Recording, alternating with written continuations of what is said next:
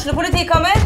Ine Jansen er purk. Er du purk? The motherfucking bitch. Alt jeg vil, er å finne ut hva som skjedde med mannen min. Jon Carew. Er jeg sikta for noe? Iben Akeli. Det er du. Ole So, Lars Berrum og Big Daddy Karsten. Hvem sin side er du på, egentlig? Anette Hoff, Tone Danielsen, Kommer du fra Afrika? Jørnis Josef, Nesten. Kløfta. Trond Espen Seim, Det er synd å si det, men det var feil mann som døde. Purk. Premiere tirsdag på TV2 Play.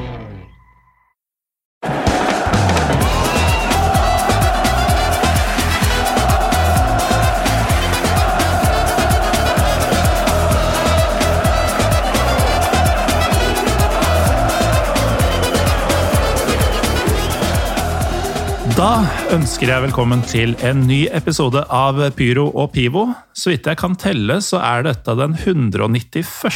såkalt ordinære episoden i vår ekstraordinære podkast. Og jeg, Morten Galaasen, begynner egentlig å føle meg som en vandrende klisjé, eller mer enn til vanlig. Fordi eh, nå syns jeg sier dette hver uke, men i dag stiller jeg virkelig uforberedt. Jeg aner ikke hva slags fyr vi har dratt inn her. Jeg aner ikke hva vi skal snakke om med ett lite unntak. Jeg vet ikke om dette blir en 30 minutters eller to timers episode. Jeg veit ingenting! Fordi dagens gjest det er Thomas Tyllmann. Velkommen. Takk. Vi, eh, vi har jo prøvd å få til dette en stund, vi. Ja, jeg vet ikke, to måneder kanskje. Det. Var det var bare flaks at vi huska det i dag. Jeg trodde det var tirsdag i dag, men eh, Ja, Vi trodde begge det var tirsdag i dag. ja. Og vi skulle egentlig begynne for en Vi hadde egentlig avtalt å begynne for 50 minutter siden, denne onsdagen. Ehm, så er det vel en halvtime siden du sendte melding om at du var klar. Da Ja, det gikk det opp for oss eh, begge, tydeligvis. det var at, eh, uten spørsmålstegn, så det var egentlig ment som Er du klar? Er jeg klar? Det kunne, kunne egentlig godt være Jeg hadde fint sett på, på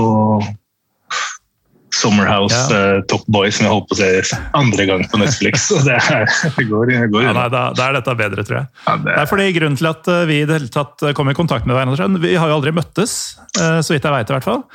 Men eh, ja, for to måneder siden, da, hvis det er det, på Instagram. på um, Instagram.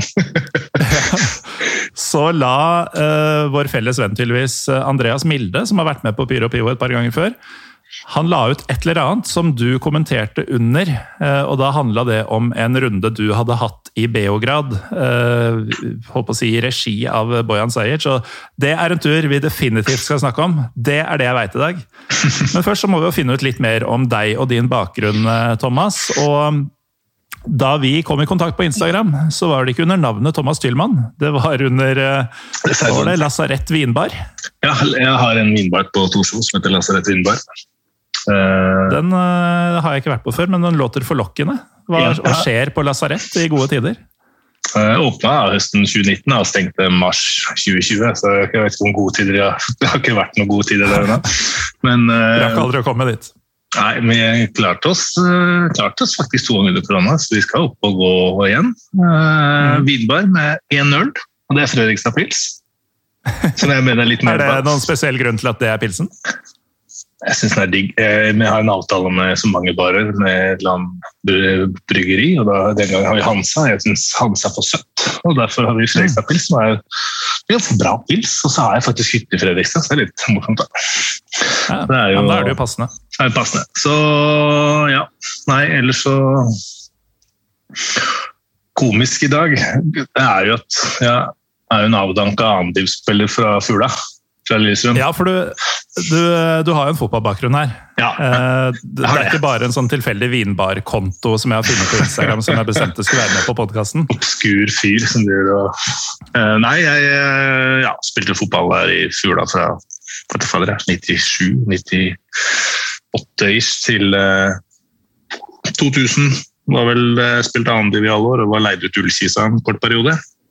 For sånn prøve... Spilte du, eh, spilte du for andrelaget til LSK sesongen 2000 i noe særlig grad? Eh, ja, jeg husker ikke om det var da jeg var leid ut til Ullkissa. Så jeg var leid ut til Ullkissa i én sesong. Det var sånn da litt tidlig å begynne å leie ut folk. Eh, ung og naiv som jeg var, da spilte jeg vel med Khaled Francis. Han banka I Kisa? i Kisa, han banka inn 25 000 i måneden, og jeg takka ja. Var veldig, sa at jeg var veldig fornøyd med dekka månedskortet mitt. Ettertid så skjønte jeg at eh, hadde jeg bedt om 5000, så hadde jeg fått 5000 da jeg gikk på videregående, men det gjorde jeg ikke. Eh, hadde vært ung nå, så hadde jeg dratt til Kina. men, men eh, nei, Kina eller Kisa er ikke alltid like, et like åpenbart Nei, jeg er, jo jeg er jo vokst opp på Kløfta, så det var liksom ikke det var bare et steinkast. Men eh, Og Men hvis du spilte, hvis du spilte på andrelaget til Fugla eh, sesongen 2000 eh, det, Du husker det kanskje ikke sjøl nå, men hvis jeg sier at det var en sånn her, En ganske liten, var vel to-tre stykker, gjeng med kids som eh, drev og flagga en del på et par av de kampene, og hang opp et Gretar Hjartarson-banner på flere av dem. Ringer det en bjelle? Gretar. Han var vel det siste året jeg var der, tror jeg. Ja. Han eh, Han Hvis noen av de flagga eller bannerne eh, er noe du husker, så var det meg Så var det og to deg, kompiser. Ja. Nei, jeg, jeg husker ikke det, men jeg var jo det, det er jo mye Jeg hadde jo Arne Erlandsen som trener, så det var jo mye det var mye skrik og skrål, skrål, husker jeg. Og fotballen var litt Jeg tror kanskje en yngre generasjon i dag ikke finner seg en del av de morsomhetene som man kanskje fant seg i for 20 år siden. Så var det jo jeg tror liksom Arne Erlandsen ble jo del, Deler av avskjedigelsen hans nå sist i Lillestrøm. Mm. Eh, Det handla selvfølgelig om det sportslige, men det handla også litt om lederstil. holdt på å si, ting han sa og ting han drev med. Litt sånn, da, Mourinho er vel det jeg mener, Mourinho er kanskje den moderne Arne Erlandsen i, i lederstil. Nå skal han ta over en klubb som liker i Roma. og der ja, men han, jo, han ødelegger alle klubbene han kommer til, så jeg vet ikke om Arne Erlandsen gjorde det, men uh, det var jo mye morsomt når vi spilte der, og herregud, vi hadde jo med uh, Hva faen heter han da? Diallo? Nei, jo. Diallo? Nei, ja. Han var der. Han kom tilbake fra Duisburg, husker jeg. Satt, mm. satt i Garderen og klagde at han var uh, in uh, Duisburg I got the BMW, but Lillesund I only got the Opel. Lillesund har sponsa Opel. det er det er jo mange sånne småtteriting man husker uh, som var gøy. Det som er jo trist, er jo da at en del år etterpå, som da førte til den, det vi skal snakke om i dag, det var at jeg uh, søkte jobb i jeg var utdannet, jeg er utdannet lærer, så jeg hadde jobbet som lærer mange år før. eh, jeg søkte, da jeg søkte den jobben her, eh, da søkte jeg jobb i Vålerenga mot rasisme. Ja. Da hadde jeg jo på CV-en at jeg hadde vært da spilt var spilt fotball altså, en del år siden. Jeg, tar nok ikke med at jeg har spilt for Amdiv i Fugla nå når jeg søker jobb, men uh, da var det i hvert fall spørsmål. Nei, men ka- Kanskje det var et ledd i uh, den inkluderingsstrategien som Vålinga mot rasisme står for? Ja, At var- eh, selv avdanka fugler skulle være velkomne? liksom. Det var faktisk uh, Det var faktisk uh, vurdert å det, det, det sto faktisk eh, sa at det, var ikke bra at jeg hadde spilt for Lillestrøm. Så jeg tror faktisk det var opp til vurdering om, om det Ja. ikke var eh, Vi hadde kanskje ikke så mange kandidater, da. Men eh, det komiske her, jeg satt og tenkte på i stad, at jeg var leder for Vålerenga mot rasisme. Ganske ok periode, halvannet år kanskje. Eh, det var flott jobb, eh, gøy å jobbe med. Og det som var moro her, var at man da holdt du til i Valhall, altså tidenes døveste arbeidsplass. Sånn Altså, kontora lå i Valhall? Ja, kontora lå i Valhall. Ah, Ah, det er så trist. Og der trente jo A-laget, og alle arrangementer jeg hadde for eh, barn og unge, som da dro fra Tøyen og utover, de da dro opp til Valhall. Altså, det finnes jo ikke noe surere sted på hele Oslo øst enn Valhall. Kanskje Alnabru ved togene liksom, men det var, det var ordentlig bedritent. Men uh, endte jo at vi spiste lunsj med spillerne flere ganger, og mye hyggelige folk. Og så hadde jo jeg kom jeg snart med Bojan, og jeg og en kompis hadde hatt et ønske i mange år å dra og se eh, derbys rundt omkring i Italia, eller Italia, så jeg i Europa. For jeg har vært en del i Italia og sett Roma Lazio, ja, Torino, Juve på gamle kommunale stadion i, i Torino, og liksom sett veldig mye matcher i Italia. Ganske mye Champions League-matcher. det er bra du ramser opp de greiene her nå, for nå, nå får jeg faktisk ting å ta opp i episoden. Ah, ja. Sånn, jeg lærer mens vi går, liksom. Nei, første matchen jeg, du, du tok med broren min på 13 år, tror jeg. Da dro vi og så på Celtic via Real. 1-1 i FA-cupen. Kvartfinalen. Fikk vi kjøpt billetter utafor, 25 pund. Ganske bra plass. Vi spilte Henke, husker jeg. Skal det 1-1-målet. Mm. Var ganske, jeg måtte ta en liten sånn runde og sjekke hva jeg hadde vært på. Og så Ja, sett mye. Jeg har alltid fulgt Serie A fra det gikk på TV3 i gamle dager. Mm. Det har liksom egentlig vært min Tilfeldigvis så er det bare én av mine kompiser som ser Premier League. Resten ser Serie A.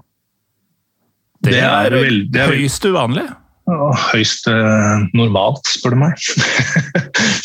Min lillebror også ser ja. Serie A. Så når han, Kvalitetstegn, det. ja, kanskje ikke nå, for nå er Serie A skittig. Men uh, da er det faktisk spennende på lørdag, da. nå som uh, Milan klarte bare uavgjort sist. Så Mm. da er det faktisk flere lag som kan gå til Champions League, utenom uh, Inter og Atalanta. Men du har jo et uh, ganske aktivt kjærlighetsforhold da, til uh, helt sikkert Italia som land, men italiensk fotball. Uh, er det noe spesielt lag du holder med der, eller er det liksom bare Jeg har alltid sett Bella Italia-greia? Jeg har alltid sett mye fotball i Italia, og lag og liksom alltid vært gøy å se Det er ikke noe uvanlig man drar til Juventus, jeg har sett mange ganger, og, og Roma har sett mye, jeg har sett Milan noen ganger. Første matchen jeg brutter'n dro på, eh, det var mm, Faktisk første matchen var eh, Hellas Verona. Nei, det er Kievo, mener jeg, mot Lazio 2-2.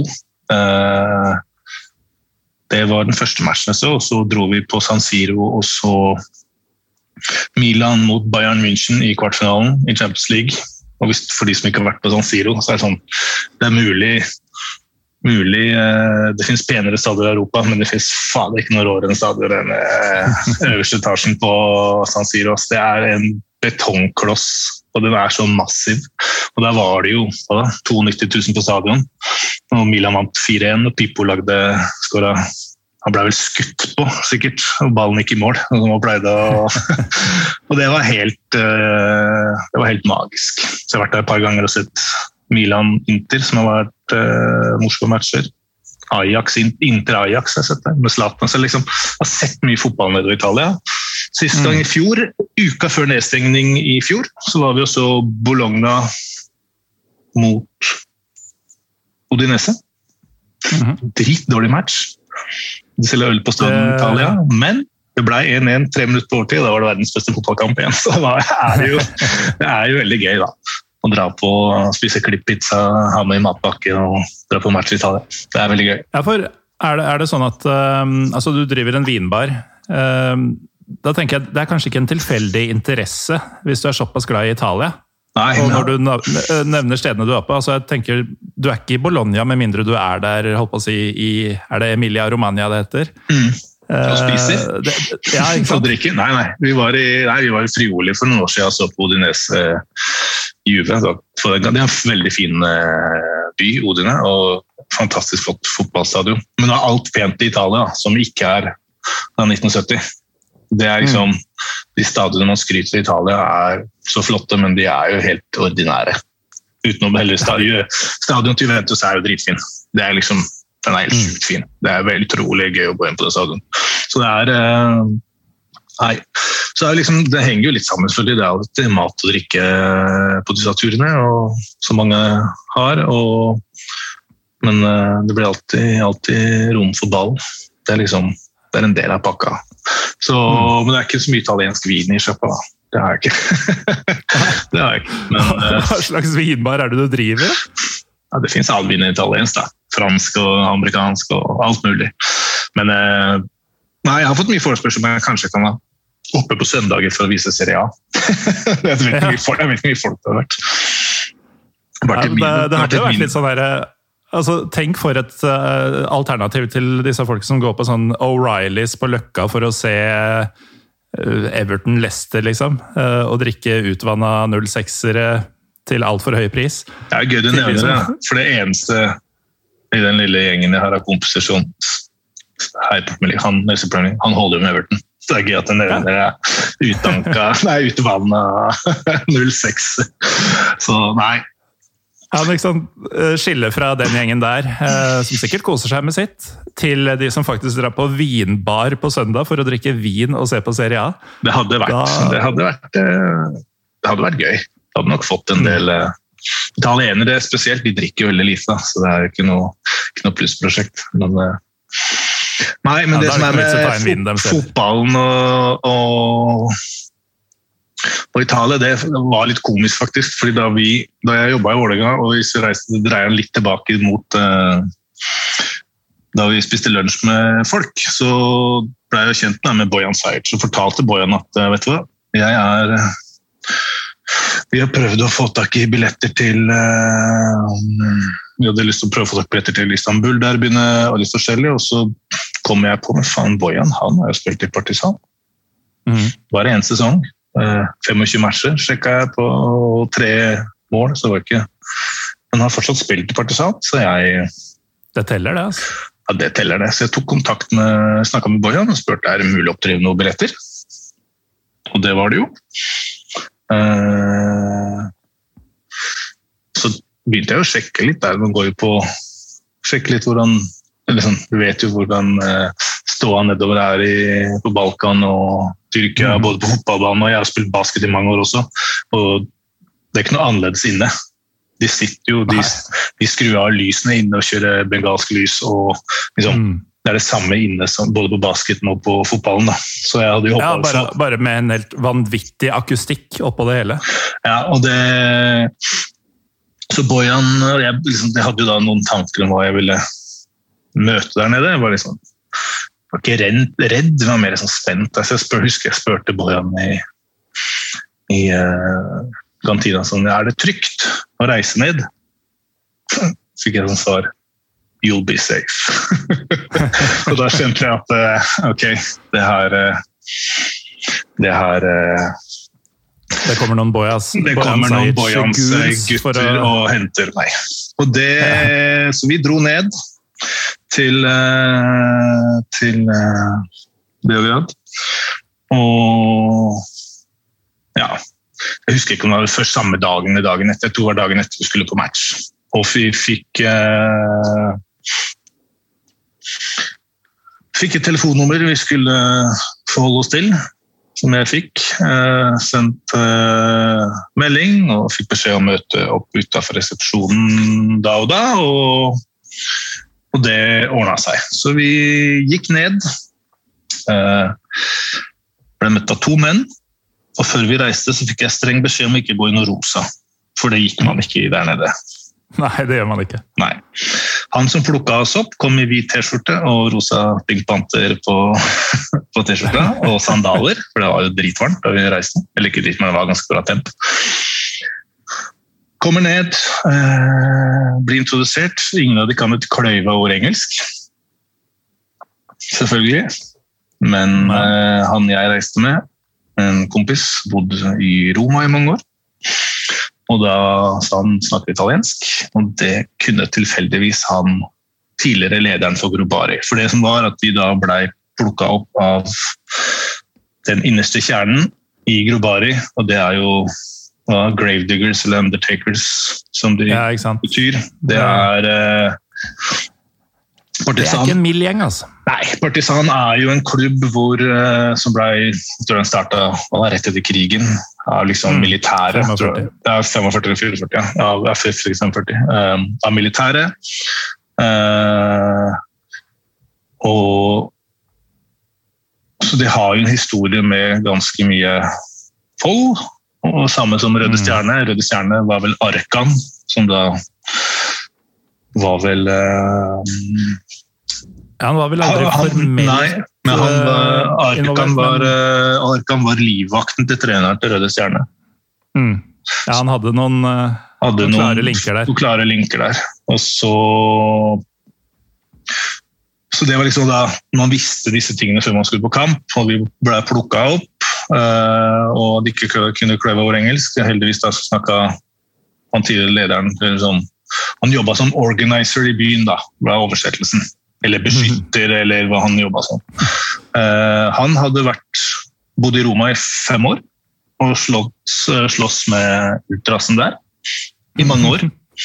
Eh, så, men han hadde fått familie, så da hadde det roa seg litt. Men han var fortsatt da ganske høyt på strå. Så vi ble plukka opp og kjørt i en bitte liten bil av han og en livvakt. Han hadde med seg en livvakt. De skifta faktisk livvakt eh, to ganger mens vi var der. Så han bytta på hvem som fulgte han, han rundt. Er det skift, liksom? Ja, det var tydeligvis at det var et skift. Det var sånn etter, mm. Vi ble i hvert fall kjørt da ut i en liten bil ut til sånn suburbia.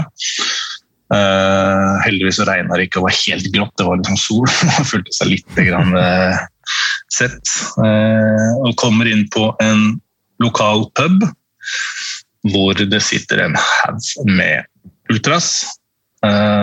Sværinger, og man tenker jo automatisk liksom tyrenakke, singlet og joggebukse. Det er, liksom, mm -hmm. for det er jo nesten ikke, det er veldig få menn igjen eh, sammenlignet med kvinner etter krigen. Ja. Eh, så liksom, det man ser fra fotballstadion, er den type menn. Jeg tror sånn 90% av folk på matchene var, har vært menn. Et, en periode, i hvert fall. Kan hende annerledes nå.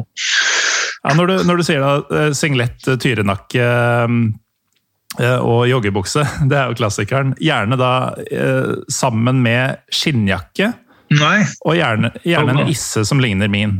Det er liksom min prototype på serbisk fotball. Det stemmer det, jeg har hatt mye av det, men det mm. var, det var både.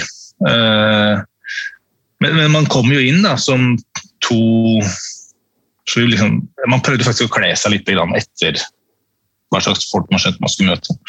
Eh, og jeg husker vi kom inn der, og så var det han ene som ja, sa da på service at dette her er disse gutta kjenner Bojan. Og det var liksom bare sånn, Folk flytta seg for oss, og folk gikk og henta mhm. benker og kjøpte øl til oss. Og ja, man, eh, man føler seg ikke noe spesielt Jeg er ikke så veldig glad i sånn Hvis noen tar bilde av meg og legger ut på Instagram, så får jeg helt hetta. Jeg hater sånt. Det er sånn, Når du da kommer inn der, og så er det noen som flytter seg for at du kjenner Bojan Jeg har vel eh, jeg snakka med henne i kantina, liksom. Men det trengte jeg ikke å si. da. Jeg jobba i hvert fall der fotballklubben Bojan spiller for, og siden Bojan har spilt for Partisan, så var han, da var det liksom Han var Da er du stor. Spiller du Partisan, så er du mm. stor. Mm. Eh, så man snakka jo med folk, og noen av de snakka engelsk. Spurte liksom sånn hvor mange folk går på stadion? Og liksom, nei, jeg bryr meg ikke. Det er kun for å slåss.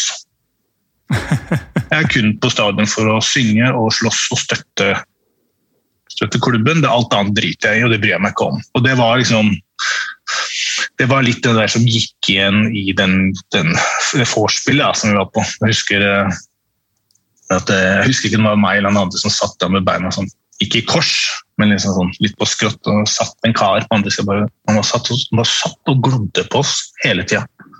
Liksom, sånn, jevnt sånn ubehag av eh, ikke, noe, ikke noe frykt, men sånn, sånn, sånn ubehag at noen bare glor på deg, aldri stopper og stirrer mm. på deg. Heldigvis var det sånn at han som vi var på, han var det ingen som rørte. Ikke snakk. Nei, ikke sant. Så, så Listen to this, this is uh, cultural Serbian music. Altså, det var sånn det, Man skjønner jo at det sånn i ettertid så har jeg tenkt at det er jo ikke jeg jobba for Vålerenga mot rasisme og dro på tur med Grobaris. Altså, det, er det, det er så motstridende. Men igjen, jeg var sånn, fader ofte får man oppleve det her. Aldri. Så vi satt der og tok noe øl, og så var det kamptid. Bojan hadde fiksa billetter. 600 eh, kroner stykket for å se på Partisan mot uh, Nei, 600 kroner for uh, tre stykker, sorry. Uh, for å dra og se på mm. Partisan Røde Stjerne. Altså, det koster ikke 600 kroner for å se den matchen. Men det betalte jeg, for jeg måtte jo betale for han som skulle være med. Mm. Men han fortalte at han fikk 20 billetter av klubbledelsen som han kunne selge for egen vinning før matchen. Så vi var da tidlig ute for at han skulle selge billetter. Mm. Vi fant ikke noe parkering der vi skulle reise, så de prøvde å parkere på spillernes parkering. Eh, det, fikk, det var ikke plass, så vi fikk ikke parkert her, men eh, det sier litt om den statusen han hadde, han, eh, han lederen. Så vi får i hvert fall etter hvert parkert, kommer oss på kamp, eller kamp på stadion da, til for match. Og han går rundt med billetter fra ledelsen, som han selv fikk egen, egen vinning. Og husker jeg en episode hvor han ble irritert på kar og sparka en kar. I, i, liksom, i hofta, rumpa liksom, I ren sånn frustrasjon, da. Egentlig sånn, sånn, sånn lunta på en del av disse gutta her er ganske kort. Så noe som sånn, Mye testosteron. er mye testosteron. Jeg har bodd i Oslo i over 20 år og sett slåsskamp to ganger. Så drar jeg på match, og så er jeg sammen med han i to timer. og så første han gjør her, og så, det var liksom, Ikke at jeg trodde kanskje det hadde utvikla seg, men, men det sier noe om det testosterongreiene. Så etter hvert så fikk han i hvert fall solgt disse billettene, eh, så vidt jeg husker. Eh, og selv politiet altså de flytta seg når han kom. Folk med maskingevær de visste hvem han var. Så han gikk bare rett inn på stadion. Det var ikke snakk om å vise billetter engang. Eh, som jeg hadde betalt for. eh, rett inn på stadion og fotballkamp. Og det som er morsomt med Balkan og, og Hellas og sånn, syns jeg, og, og, og sånn Argentina, sånn, den der synginga bare går og går og går og går. Og går, og de sang liksom konstant i 90 minutter. Suggerende greier. ja, sånn suggerende greie. Det er det som heter med basketen, som er inne i tillegg. Som sånn, de, bare, de, bare, de bare gir seg ikke. Sånn, de bare blir sånn dratt inn. Og det er helt massivt å høre på. Sånn I England sånn, så er det litt mer eh, Kanskje litt mer form for humor og litt sånn annen ting her er det ganske Les den der 'Fotball forklarer verden'-boka, hva han heter. Franklin uh, Foer, hvor han skriver liksom sånn Hvis du scorer, vil du dø. Det her er alt du har røde stjerner. Liksom. Det, liksom, det er ganske mørke ting da, som, som ligger eh, til grunn i en del av disse fotballsangene.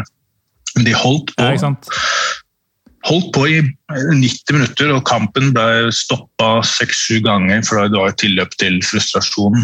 Eh, politiet kom ut på banen, eh, liksom sånn, og da var det, var det noen som hadde storma banen. selvfølgelig. Og da gikk jo spillere liksom, imellom. da. Politiet og han tilskueren, for liksom, de visste jo hva som kom til å skje. Så det er en sånn derre ja, det, er mye, det er mye Du kjenner i lufta at det er sånn der testosteron som bare ligger sånn jevnt og trutt og bare presser mot et tak som de ikke får eh, utløp for. Så det er eh, Det var en ganske sånn der, drøy opplevelse å sitte på stadion med han, som du vet har vært den tidligere lederen. Han ville ikke, vi kunne få sitte i svingen, men han anbefalte at vi ikke satt i svingen. Ja. Fordi han visste ikke hva Dette som var på stadionet til Partisan, ikke sant? Det var på stadionet til Partisan. Nå Mm. endte jo faktisk kampen med at Røde Stjerne skåra to minutter på overtid.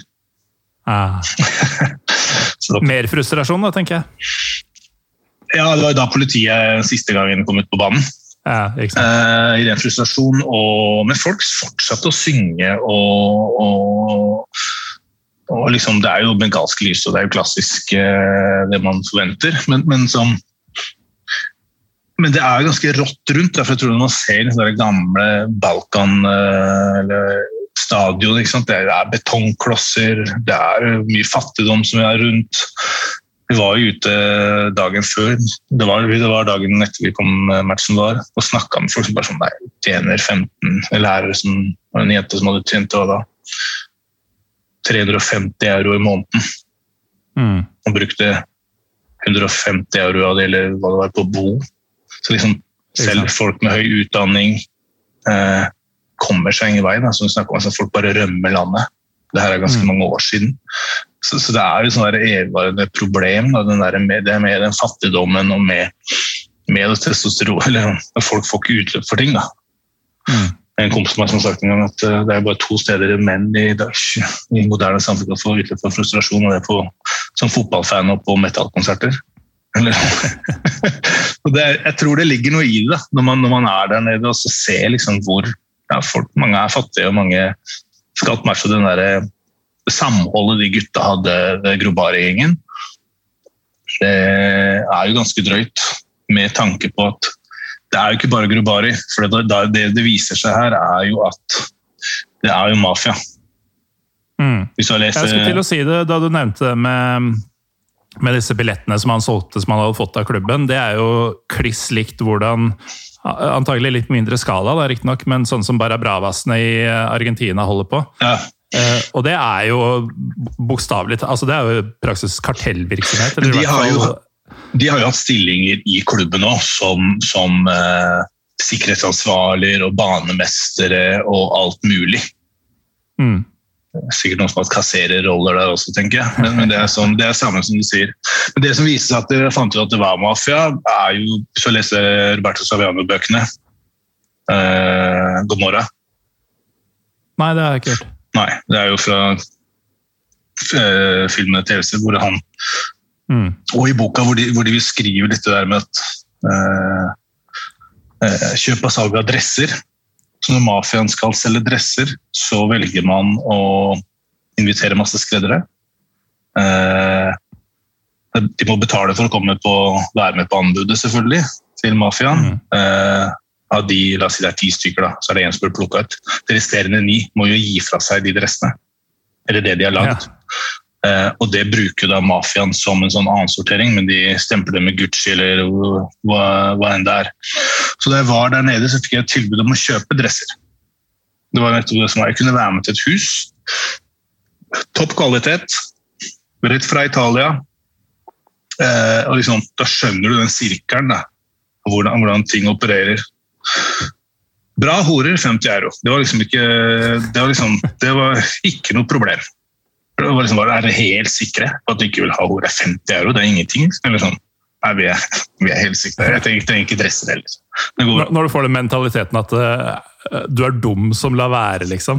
Da, Ja, det- da ja, er du i en annen verden. Du, ja, du er dum som ikke utnytter eh, noe som kan eh, være liksom en benefit for deg sjøl. Litt, litt sånn som det med de billettene, ikke sant. Eh, så jeg, eh, ved en feiltagelse, så reiste jo han jeg dro med hjem dagen før meg. Eh, så jeg hadde jo, og det sa jeg, kom jeg til skade for å si til han, sjefen for, for eh, den grobare gjengen, da, og han sendte meg masse meldinger dagen etterpå. Sånn, vil du være med meg og familien min på tur, og vi skal på utflukt? Liksom.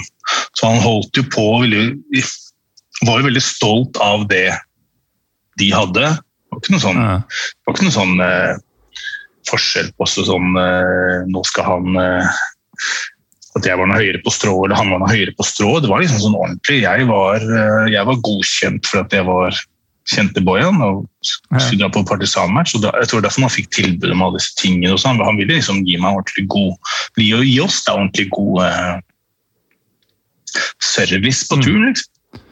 Jo, men det, det er et eller annet som jeg syns er veldig sånn fascinerende med eh, Balkan. og eh, ja, Sånn som Serbia spesielt, da, som har såpass hardt eh, Det er så mye hardt, eh, macho, voldelig, Klima, ja. truende altså, ja, Det er liksom det er noe ganske sånn hardt og mørkt over det. Men så har du samtidig liksom den den gjestfriheten da, som du finner gjerne i det sørøstlige hjørnet av Europa og, og forbi. Eh, for det, det var nok ikke bare for at liksom, du skulle snakke fint om han til Bojan igjen heller. Det, eh, jeg er ganske sikker på at en stor del av han mente at eh, han og familien skulle vise deg eh, a good time Ja, det for, for din skyld. Og det har jeg også sett en del eh, Så tar vi litt kanskje en klype salt, men det er sånn eh, YouTube-klipp fra fotballfans hvor folk som vet ja, det er en del av fansen som er sånn, men her er alle velkomne.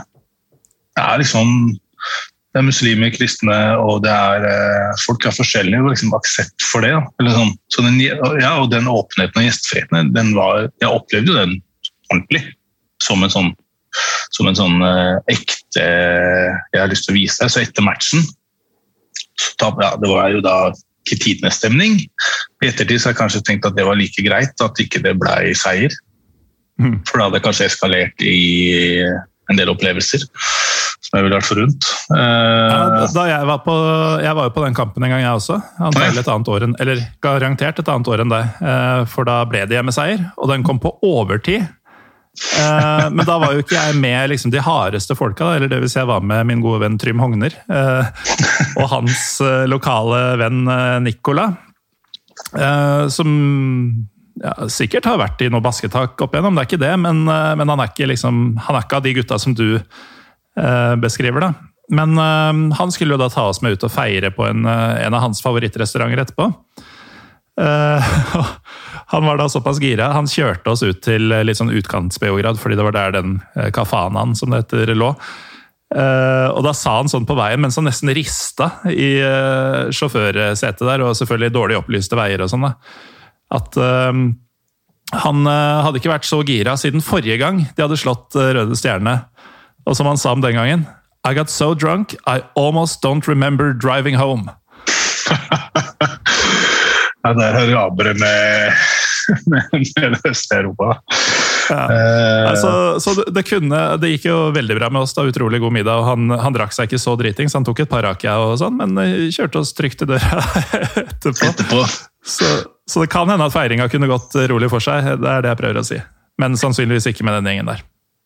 Nei, og det var jo det som eh, vi da Det ble ganske stille i den delen av byen etterpå, så vi dro ut og spiste på en restaurant hvor det var bare vi som var. Ingen andre. Mm.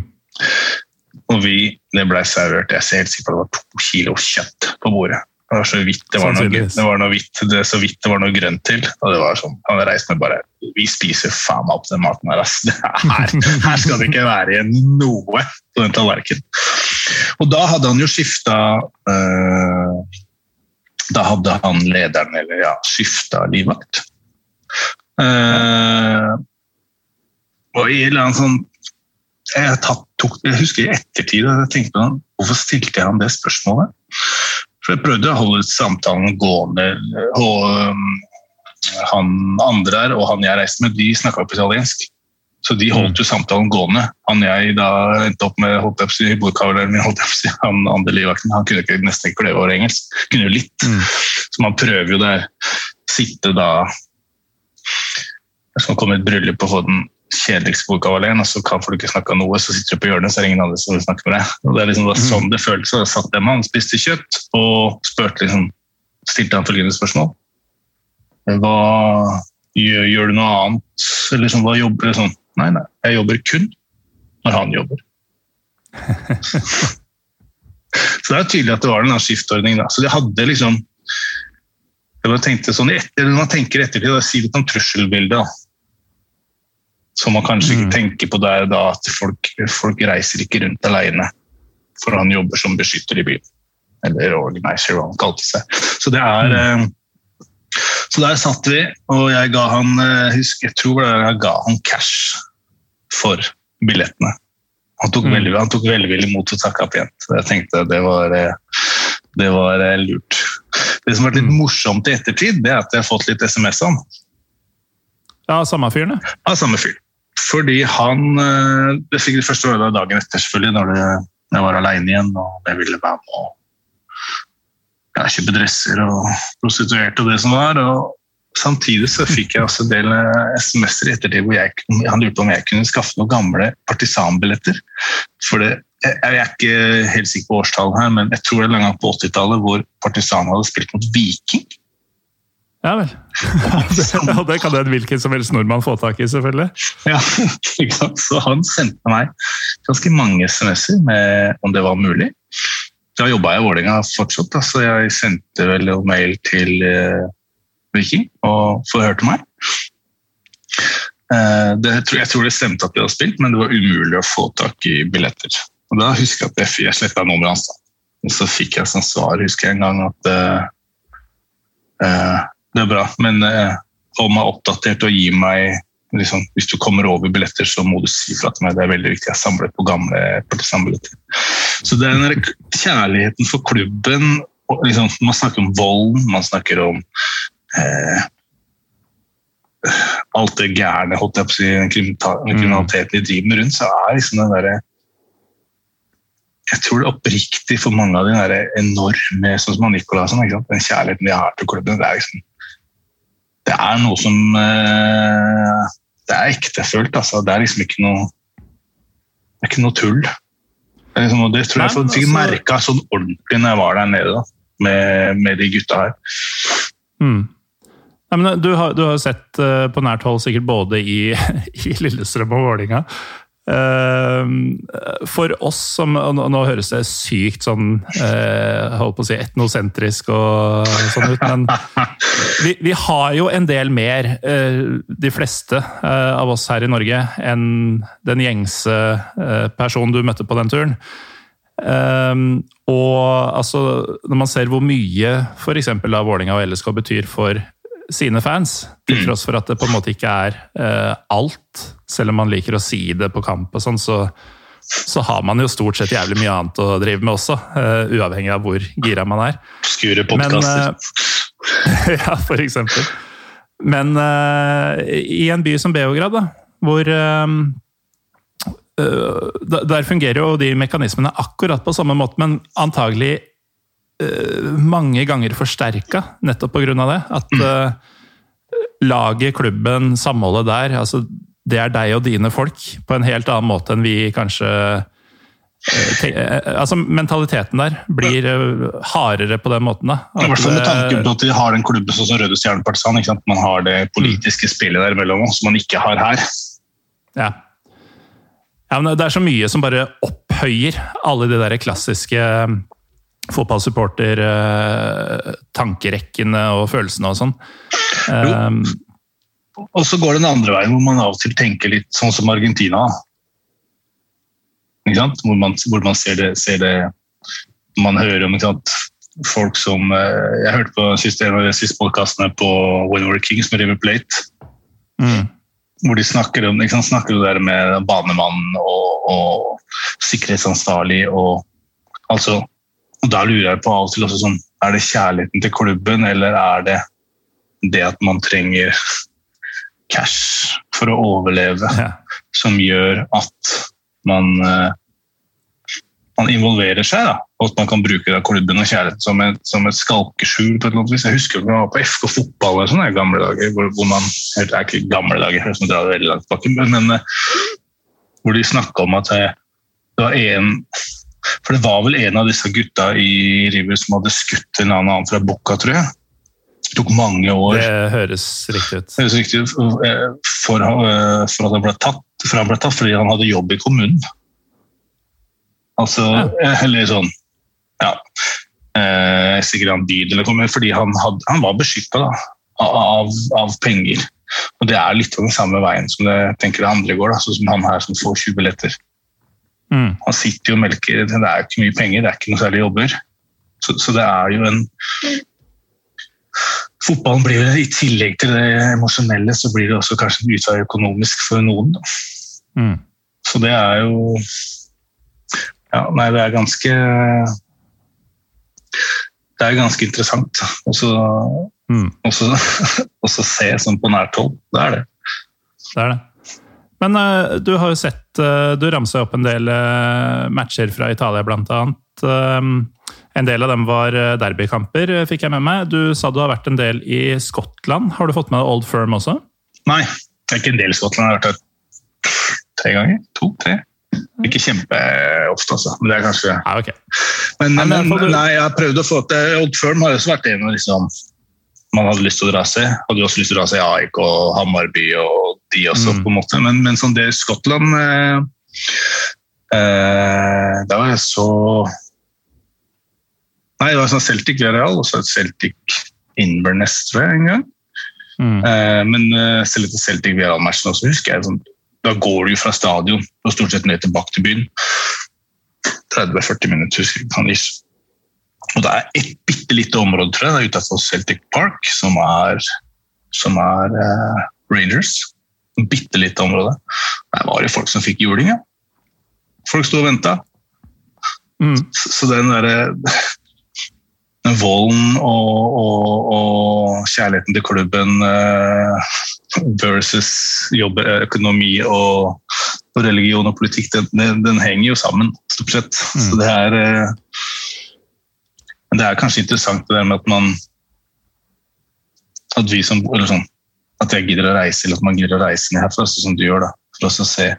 Det er fordi at man har lyst til å Man har jo lyst til å kjenne den intensiteten på matchen. Det, er, det er nettopp det. Og um, jeg vet ikke om du, du virker som du leser en fotballbøker. Har du lest uh, den uh, 1312 av James Montague som kom i fjor? Nei. Jeg leser, ikke Der, veldig, mye- eh, jeg leser ikke veldig mye fotballbøker. Altså. Jeg leser noe bare innimellom. Eller mest, ja. Hører mest på podkaster og sånne ting. Men uh, hva sier Men han? den, Den uh, heter da 1312, da. Uh, Among the Ultras. Um, og da har jo da James Montague, som uh, vi hadde en episode med her for et års tid siden, faktisk. han har da reist rundt omkring i verden og kommet under huden, da. hengt med ultras supportere, hooligans også, og lignende, i forskjellige land. Og i et av kapitlene, altså veldig mange av dem, så er det sånn Han møter noen på en kafé, sitter og prater litt, lærer litt om historien og uh, sånne ting. Uh, men i Sverige, faktisk, så um, kommer han da ordentlig med på ting. Så han blir med KGB, som er uh, casual-gruppa til Hamarby. Når de da skal jakte på AIKs tilsvarende gjeng. Og i den altså Han er jo ikke noe sånn Dette er jo egentlig ikke hans scene, liksom, men han er jo med liksom av eh, nysgjerrighet og, og sånn, da. Og da beskriver han jo det som skjer i løpet av den kvelden, og ikke minst når han har kommet tilbake til hotellet og sånn, da. Så har han jo sagt mye i det kapitlet om at eh, hvordan disse folka har sagt at de føler seg eh, i de situasjonene, med adrenalin og sånn. Uh, og han avslutter det svenske kapitlet med sånn Han er tilbake på hotellrommet. Tonight I felt it too.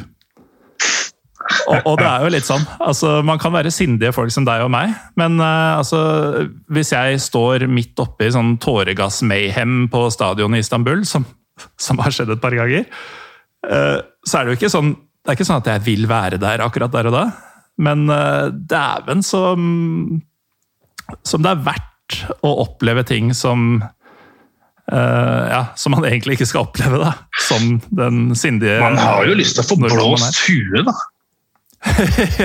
Jeg tenker sånn det, En av mine norske favorittband opp gjennom tidene er Cyan Explode.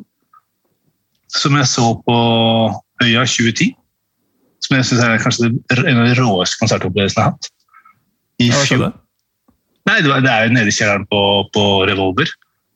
Det er eh, maks to meter under taket, og du Mm. står oppi noe som bare står og skriker. og spiller sånn.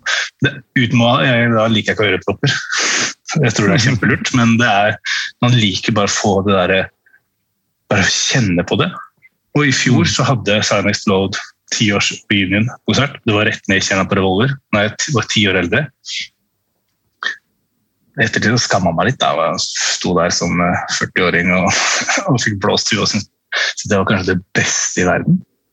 Jeg kan godt kjenne på den der intense gleden ennå. Intense eh, følelsen litt sånn samme som jeg hadde da jeg kom ut på San Siro. Eller når 90 000 pluss bare Morsomt at det, det var Pippo jeg skulle nevne, da, mens verdens minst han som ikke vil ha med deg krigen.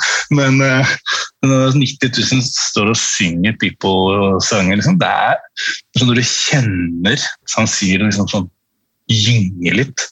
Det er fantastisk. Det er jo det, det, er jo det man har lyst til også, også det er for man reiser på match. Jeg husker jo du som er fra Fula by. Gamle Åråsen, de treplankene. Mm. Når man sto der og hoppa Kjøre den derre 'la oss alle hoppe'. La oss alle hoppe i sånn. det. Jeg var, med, jeg var med på det. Siden så Og det er gøy. Ja. Jeg tror liksom den derre si hva, Samme det går på å se på match i utlandet, selv om du ser et lag du ikke holder med. Bologna og Udinese dritkjedelig, men det er sol og du kan drikke øl på stadion. Så scorer Bologna tre eller fire minutter på overtid. Det er jo magisk. Jeg Ja, ja. får det der ruset fra folk. Det er ekte Det er ikke noe påtatt, påtatt uh, glede. Jeg tror det er det man er ja, ute etter. Ja, men jeg, jeg, jeg lurer på sånn eh, For både du og jeg tydeligvis eh, får jo mye ut av Hva skal vi si eh, Høy musikk og eh, litt sånn eh, ut av komfortsonen-opplevelser. både på stadion og andre steder. Men liksom at det er noe sånn trøkkende og litt farlig rundt seg. da. Ehm, og jeg lurer på liksom folk som f.eks. ikke liker fotball, de vil jo aldri skjønne hva vi prater om her. Men av de som hører på oss, liker jo de fleste fotball. Men av de som liker fotball, eh, som aldri har hørt uh, f.eks. den type band som Sign Explode. Mm. eller vært på en sånn konsert hvor du knapt får puste fordi det er ikke plass til luft i lokalet.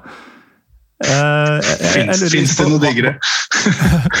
Men hva gjør de for å, for å oppleve de der ekstreme høydene da, og, og rushene?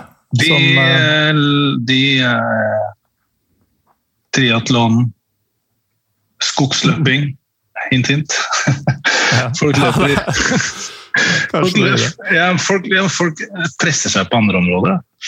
Jeg er jo forlatt de greiene der, men, men, eh, men det er jo noe som man kjenner på på en eller annen form for, u, for ubehag og ukontrollerbar glede. Hvorfor, hvorfor drikker man seg drita? Eller sånn, hvorfor drikker man øl samtidig som man ser på fotball? Hvorfor går engelskmennene ut og står i, i tribunegangene og drikker øl? Hvis ikke det er med på å bare løfte, løfte den intense rusen, det er også løft med på å løfte nedturen ganske kraftig òg. Men, men, men når man reiser på en kompistur og man bare går og eter og drikker og har det hyggelig, så, så løfter man det med en konsert eller løfter med fotball. Eller eh, første året vi dro til Milano, så skulle jeg gå og se Caspian. Og det viste at vi, vi gikk to timer fra Milano Suburbia inn til sentrum. Midt på natta, for det var ingen taxi som ville kjøre dit vi var. Og da liksom dro vi jo så sånn, jeg fikk jo, jeg fikk jo blåst huet av de andre syntes det var dritkjedelig, utenom en av de. Men, men det å bare få flytta den turen at vi gikk to timer at Man gjør jo noe som er helt annet enn komfortsona. Som derfor også folk drar på matcher. da, som, som, Mm. Sånn som den Hører den eh, Marseille-episoden dere hadde? Som vi hadde. Ja, eller med Winner Kings. Liksom, du hører hvordan Marseille-fansen liksom er utenforstående Mm. med, med, med resten av Frankrike. De er liksom Napolis svar på, på, på Frankrike. Liksom, det er folk som føler seg samla av noe. Da. Og det syns jeg er eh, av noe som bare er der og da. Mm. Det er jo det som er gøy med, med, med fotball. Jeg tror det Per Jarle Heggelund som sa at det er ikke selve fotball som gøy, det er alt rundt. Jo, men det er, det er jo noe i det. Og det er jo det denne podkasten her egentlig handler om. Det er fryktelig sjelden vi nevner noe særlig med spillere. Ja, ikke sant? Eh, veldig mye om eh, alt rundt. Men uh, apropos alt rundt, uh, Thomas. Uh, du hadde kanskje ikke vært på Old Firm, men du hadde vært på en hel rekke derbys i Italia. Og de er jo Flere av dem er jo ganske legendariske for å være intense. Men hvis du da tenker på sånn ett av de mange derbyene du har vært på i Italia, og på en måte veier det opp mot det du opplevde i, i Beograd. Altså, hvor, hvor er de største skilnadene, som svenskene sier? Nei Jeg vet ikke, jeg husker Roma, Lazio. Roma skåra tre minutter før fulltid, 2-1. var jo ganske gøy. Da var det, tror jeg, var relativt pussa på Borgetti. Forferdelig drikke, men eh, det, kunne man, det kan man alltid kjøpe av stadion. Det er det ingen som du tar med inn. Men jeg tror det der intensitetsgreier, det er det liksom, jeg har vært og sett eh, Første kampen jeg så i England, var Wimbledon med Ståle Solbakken kom inn på. Mot United. Tapte 2-5 mot Drillo og trener. Med romjula 2000 Da det blei år 2000. Og det var jo Ja, det var jo ikke tidenes eh, tidenes supportergruppe. Wimbledon hadde jo nesten ikke supportere fra langt tilbake. De var jo en veldig liten klubb, eller hadde jo nesten ingenting, Fått nesten ikke noe som helst. Det var en klessegang av, eh, av Hadde ikke stadion, hadde hadde ikke stadion heller, nei. Eh, det er ganske sjukt. Eh, Og så har jeg vært og sett Tottenham et par ganger. Jeg har vært og sett faen meg Westham Stoke 0-1. Tidenes Det er den dårligste fotballkampen jeg noen gang har sett. Og da tenkte jeg med meg sjøl Når jeg har vært i Italia, så er det lov å ha med flagg. Det er lov å ha med Det er ikke lov å ha med bengalsk lys, men det er med likevel. Og bomber og alt det greiene der. Jeg tror når du sammenligner det med, med England og, og med Beograd, og sånne ting, så får du det samme synes jeg, da, i Serie A på noen stadioner, eh, absolutt ikke alle, som du også gjør i Beograd. Du får, der, du får liksom no, eh, tifoene, og du får det andre pakka rundt. da. Som ikke bare er synginga og den intense eh, greia. Den du får den i England også, altså. Jeg fikk den på og dette er såre mange norske fans jeg sier at jeg ikke syns Anfield er det kuleste stedet jeg har vært. Men jeg har vært, og sett, jeg har vært på Anfield også og syns det var bra. Jeg fikk stor gåsehud av uh, Walk Alone. Det synger jo Celtic også, så det var fantastisk det også. og det, det, liksom, det, det løfter noe, men det er ikke den der intense synginga, intense, den der jevne greia hele tida. Den, den liker jeg godt med Italia. Jeg tror kanskje bare er det er Roma Lazio som har, som har liksom vært i nærheten av det som jeg opplevde på Balkan. Mm. Høie har jo ofte trekket fram eh, når folk spør, og det har vært ganske mange opp igjennom, eh, spør liksom hvilken kamp må man dra og oppleve. Eh, har det med å ende på Partisan Røde Stjerne. Altså. Den har noe sånn je ne sais quoi over seg, i tillegg til alt det vi har sagt her. Fordi det, det, er jo Vi har jo på en måte lagt mye vekt på det litt sånn skumle og mørke nå, men det, det er jo mye mer enn det. Altså, det er jo ordentlig passion, og Beograd ja, ja. er jo en herlig by å både spise og drikke i. Ja, fantastisk kul by. da. Kjempefin by. Eller sånn der dritbra by å reise til. Ja, og den, altså, eh, Om ikke den peneste, så, så er det nok å, å, se og gjøre der, i hvert fall. Um, Lave priser, eh, hyggelige folk. Ikke, ikke minst lave priser. Det er, det, er nordmenn fornøyd når jeg er på tur. ja. Jo, men det, det betyr noe, det òg. Men uh, helt til slutt, Thomas. Vi kan jo ikke la det gå ukommentert. Men altså, i større eller mindre grad så har du da kjent Bojan Zajic. Og han virker jo på meg som en karakter, som vi sier på Romerike. Han, er han ekte vare, eller? Ja, han er jævlig hyggelig. Skikkelig sånn trivelig, fin uh, fyr. Uh, men uh, han er jo også tilbakeholden. Altså, jeg vet jo liksom ikke Man får jo ikke, får ikke alltid Man vet jo ikke alt. Men så, jeg tenker, så tenker jeg likevel Når Bojan sier til meg 'you'll be safe', så er, det sånn Hvorfor skal han ha nummeret til han knekten som sitter innerst i kjernen. Det kan man jo også lure på, da. Men jeg husker jeg spurte han en gang om han skal tilbake. Nei, han skal aldri flytte tilbake. Aldri? Nei. Og nå spiller han vel i Sandnes Ulf, som hadde 38 matcher fra 2016. Han har sikkert lagt opp nå. Og to mål. Ja, han, har, han har vært assistenttrener eller noe sånt, tror jeg. Ja, jeg mener han er i noe trenerteam. Uh, muligens der borte. Ja, så Nei, han er jo han var kanskje det mest ekte vare, nest mest ekte vare Balkan jeg har møtt etter han eh, med Pink Panther. det er nydelig. Det er bra. Men uh, Thomas Tylman, tusen takk for at du var med i dag. og Kan du tro at vi endelig fikk til dette her? Det er jo sikkert sjuende gangen vi har prøvd å ja, ja. Og det, og det, gikk nesten gærent i dag òg? Det gikk nesten gærent i dag. Så vi håper at Raymond uh, slår på stortrå i morgen. Så kan vi møtes, ikke på internett, og drikke øl.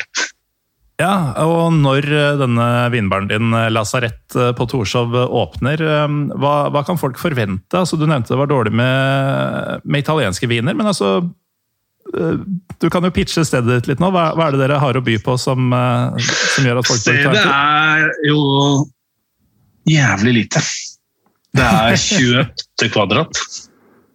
Jeg, og når det er vanlig, så er det plass til 24. 12 i baren, mm. og to som står, og ti som sitter drittrangt, og jeg spiller eh, Jeg mener at vi spiller ganske bra musikk. Eh, så har vi en del eh, gjort litt småkonserter. Erlend Mukle hvor, hvor er det de spiller? På fortauet? Nei, de, vi drar. Folk hadde Susanna Wallenrød der. hvor hun, Vi satte opp et piano. Så jeg skulle jo ha faktisk ha ha Frøkedal da skulle spille der, og Håkon Konstad skulle spille der. Så jeg har liksom, jeg, det er som vinbar som jeg gjør hva vi vil i. Mm. Uh, ja, og så er det smakinger hver tirsdag. Mm. En øl. Det er ganske det er jo trangt. Da. Jeg liker jo, det er som å gå, Her er det kanskje en, man, jeg liker det på, nede på Revolver. Det er trangt. Ja. Du får ikke puste. Det er jævlig gøy her, og hvor det, hvor det er liksom folk står, når folk står oppå hverandre og drikker, har det hyggelig. Så det er, gjøre, er å stikke nesa ned i glasset og puste inn aromaene. det kan du gjøre. Ja, det er nydelig. Eh, Jeg skal i hvert fall ta turen eh, når muligheten eh, byr seg.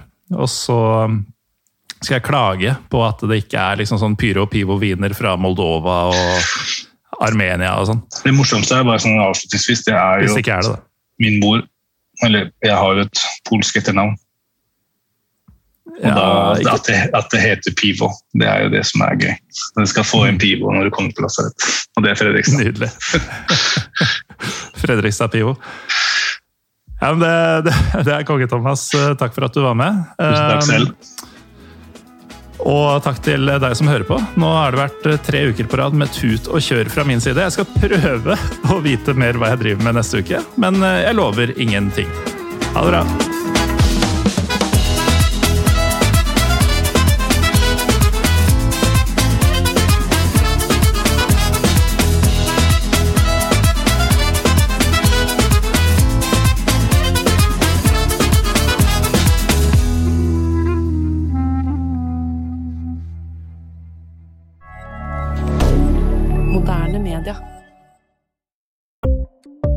Ukens annonsør er HelloFresh.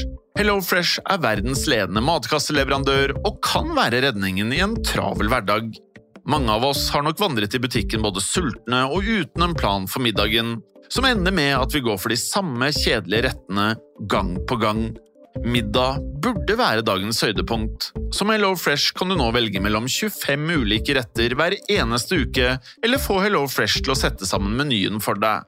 Dette gir deg muligheten til å prøve nye og spennende retter alene eller sammen med familien. Du velger antall porsjoner og får alt levert på døren på et tidspunkt som passer for deg. Oppskriftene er enkle, og maten er lett å lage både for store og for små. Ved å få alt levert hjem får du også mer tid til å dele matgleden med familie og venner. Kanskje det frister med asiatiske tacos eller greskinspirert kylling? Da kan jeg anbefale deg om å gå inn på hellofresh.no. Her kan du bruke koden FOTBALL og få opptil 1779 kroner i rabatt på de første fem matkastene hvis du ikke har prøvd HelloFresh tidligere. Du kan også bruke rabatten hvis du har vært kunde og stoppet abonnementet ditt for tolv måneder siden eller lengre. Gå inn på hellofresh.no og bruk koden FOTBALL. Har du et enkeltpersonforetak eller en liten bedrift? Da er du sikkert lei av å høre meg snakke om hvor enkelt det er med kvitteringer og bilag i fiken, så vi eh, gir oss her, vi. Fordi vi liker enkelt. Fiken superenkelt regnskap.